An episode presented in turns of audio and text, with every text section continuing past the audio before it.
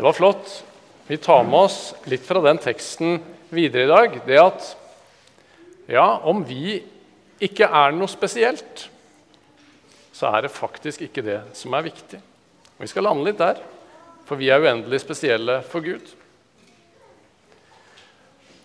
I dag skal vi møte to gutter. To forskjellige. da. Han ene var høy, han var staut og kjekk. Og den andre var, han var nok litt lavere. Han var jo også en eh, kjekk kar, men han var minstemann. Hadde et litt stusslig yrke. Den ene var konge, den andre skulle bli konge. Er det noen som kan gjette hvem det er jeg prater om? Jeg tror jeg trenger litt hjelp i dag. To stykker. Det var Saul, og der, der har jeg masse hender baki der. Kom igjen, Eirin.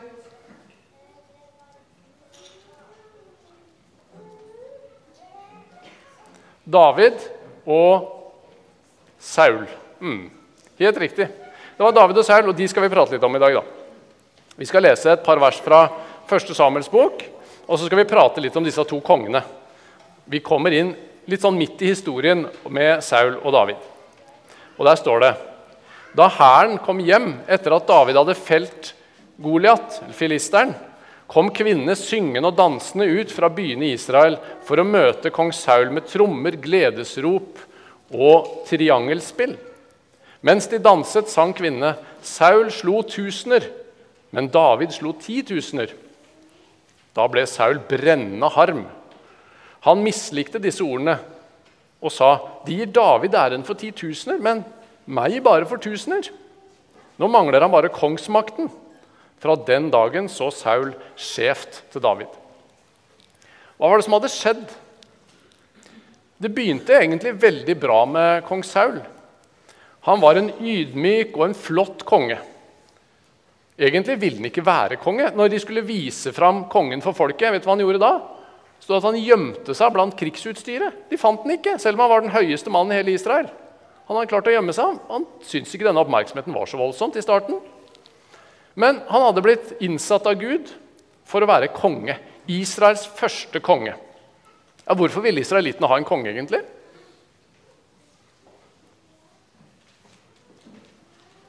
Jo, vet dere? De andre folka hadde jo en konge. Og det så så flott ut. De hadde en sånn mektig kar som kunne lede de ut i kamp, og det ville de jo ha. For det hadde de andre. Hva tenkte Gud om det, da? Gud var ikke noe veldig tilhenger av det forslaget. For de hadde jo en konge. Gud var deres konge. Gud sier, 'Jeg har jo leda dere ut av Egypt.' tatt dere gjennom ørkenen, inn i det nye landet. Hvorfor trenger dere en konge? Jeg er deres konge. Men israelittene de ville ha en konge. Og Sånn kan det kanskje være litt for oss også. At Gud ser hvordan ting bør være. Men vi bare Jo, Gud, vær så snill, da. Vi vil være litt mer sånn som de andre.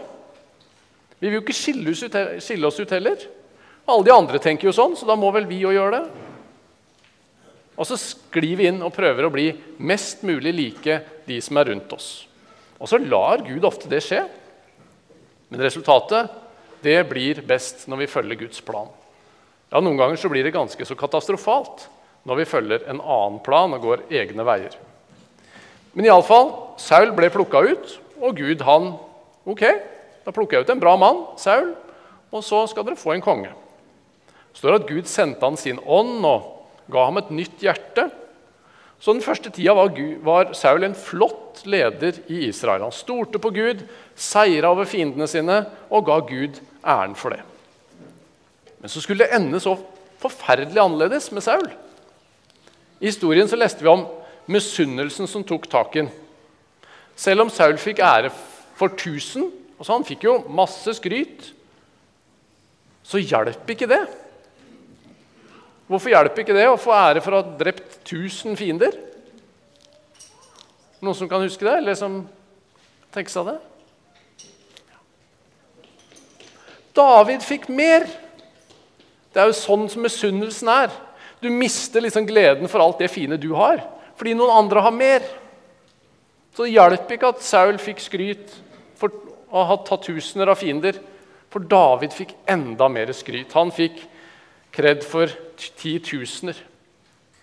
Og sånn er denne misunnelsen, eller begjær, som et ord som Bibelen bruker noen ganger. Og faktisk så er det jo i ti bud så har vi jo både niende og tiende bud som handler om det. Det er nesten en sånn grunnsynd som leder til mange andre synder. Når vi er så opptatt av noe noen andre har fått noe vi ikke vi har fått, så gjør det at plutselig så kanskje vi tar noe vi ikke skal gjøre. Så har vi brutt det stjelebudet. Eller kanskje vi er slemme med noen og har brutt det femte bud. Det leder liksom til andre ting. Og Snart så skulle Saul kaste et spyd etter David for å spidde den i veggen. Det var det det leda til for han. Og han ble besatt av en ond ånd. Og Til slutt så søkte Saul råd hos en heks, en som kalte på de døde. Og han drepte masse av Guds prester. Åssen kunne dette skje? Det begynte jo så bra. Hva skjedde? Det kom et kritisk øyeblikk, et sånn nøkkeløyeblikk i historien til Saul. Situasjonen den var sånn som dette her. Ja, for det første, altså Et sånt øyeblikk, et sånt kritisk øyeblikk det, er, det kommer jo alle vi kristne i kanskje mange ganger i løpet av livet. At det er noen sånne, du må velge, Saul han måtte velge mellom å vente på Gud eller å gå på sin egen, liksom, sin egen vei. da. Ikke stole på Gud lenger og ikke tro på det han har sagt. Ta saken i egne hender på tvers av det Gud mente. Og Nå kommer vi til situasjonen. Hæren til israelsfolket de var pressa. Det var masse filistere rundt omkring. De var mye større her, mye sterkere. Og panikken begynte å bre seg. Og så hadde Gud sagt ved profeten Samuel at Saul, om sju dager så kommer jeg. Da skal vi ofre til Gud, og så skal vi få høre Guds vilje. Og så skal Gud lede oss videre i dette her. Vent på meg før du kommer. Og så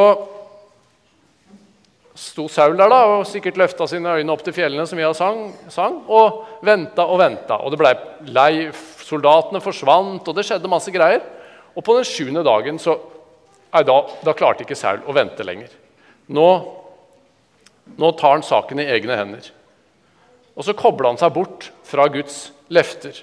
løfter. Og så går han feil vei. Og så kommer jo og så, så, tar han saken i egne hender og begynner å ofre sjøl istedenfor å vente på Samuel. Og så kommer Samuel litt seinere. Kanskje det var seint på den sjuende dagen. Da var skaden skjedd. Saul han hadde vist at når det virkelig drar seg til, når det blir ordentlig vanskelig, da svikter han. Og Gud visste at Saul han kom til å komme i mange sånne situasjoner som konge så, hvor det blir vanskelig å stole på Gud og vente på han. Og når han svikta her, ja, så så Gud at da var det den veien han kom til å gå på. Det var den kursen han satt for landet. Og En sånn kun, konge kunne ikke lede Israel på Guds vei. Så dommen blir at Gud sier at nå velger jeg meg ut en annen konge. I stedet en som stoler på Gud av hele sitt hjerte. Og For Saul så går det nedover og nedover og nedover den veien. Lenger og lenger bort fra Gud. Det starta med et lite skritt, men han ville ikke gå tilbake igjen. Han fortsatte den veien. Og så endte det i tragedie. Den nye kongen, det var David. Og Vi kan jo ikke ta hele historien om David, den er jo kjempelang. Det står masse om han i Bibelen. Han var en ung gjetergutt som hadde mange storebrødre. Noen som husker hvor mange storebrødre han hadde?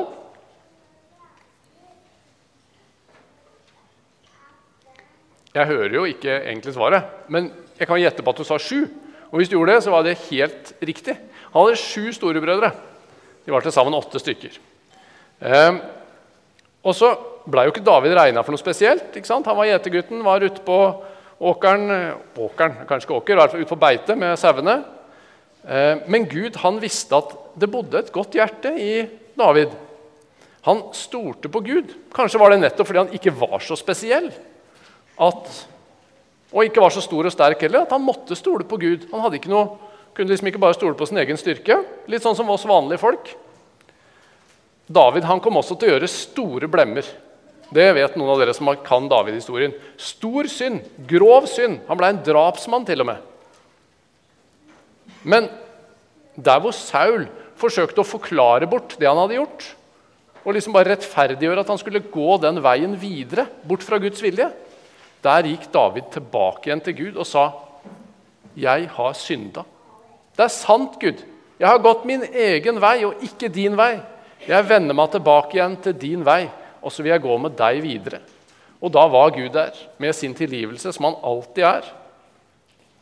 Han hadde et hjerte som ville være med Gud.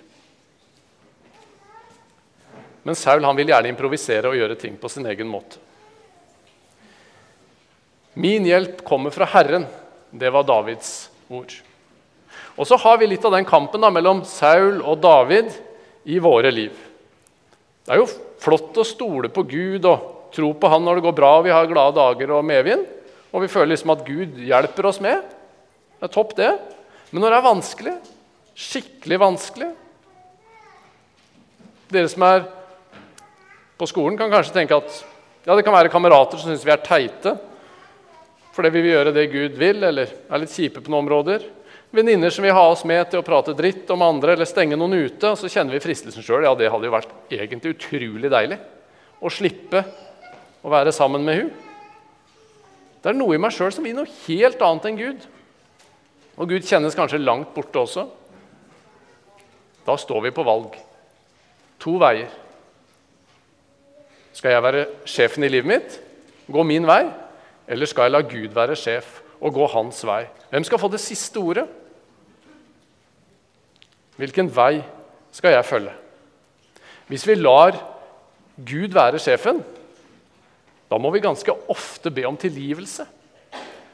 Da må vi ofte gjøre som vi gjorde i starten her, si Kjære Jesus, tilgi meg. Her levde jeg absolutt ikke opp til dine gode, flotte standarder og dine lover. Men det er en fantastisk ting å få lov til å be om tilgivelse. Å motta tilgivelse. Kanskje har du forsøkt det noen ganger til en venn eller mamma eller pappa. Med eller uten ord. Og så får du kanskje en bamseklem tilbake, og så får du høre det går bra. Du er tilgitt. Vi legger dette bak oss. Nå er vi ferdig med det, og så går vi videre sammen på en ny vei. Sånn er Gud når du kommer til ham.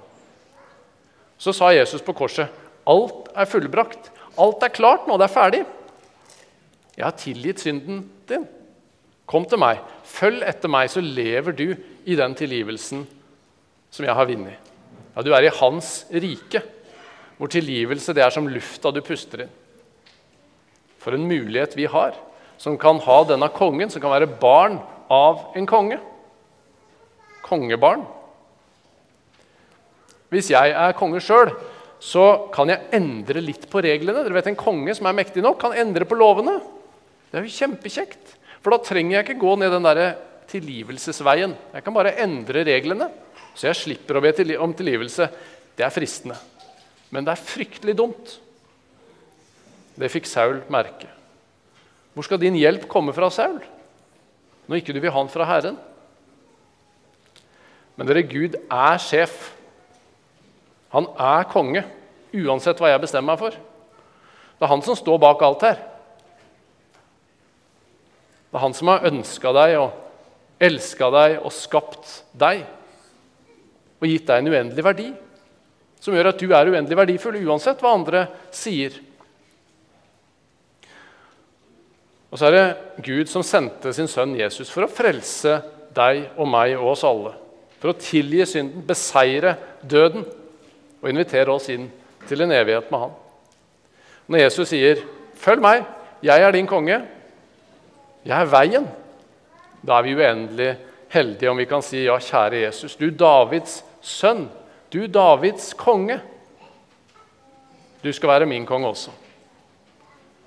Du skal være min vei. Da kan vi gjerne være en sånn nobody som vi sang om i sangen.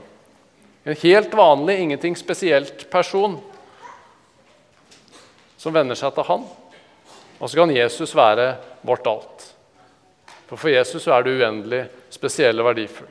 Og han vil lede deg på sin vei gjennom livet sånn han ser best. Trygt inn i evigheten. Min hjelp kommer fra Herren, himmelen og jordens skaper. Amen.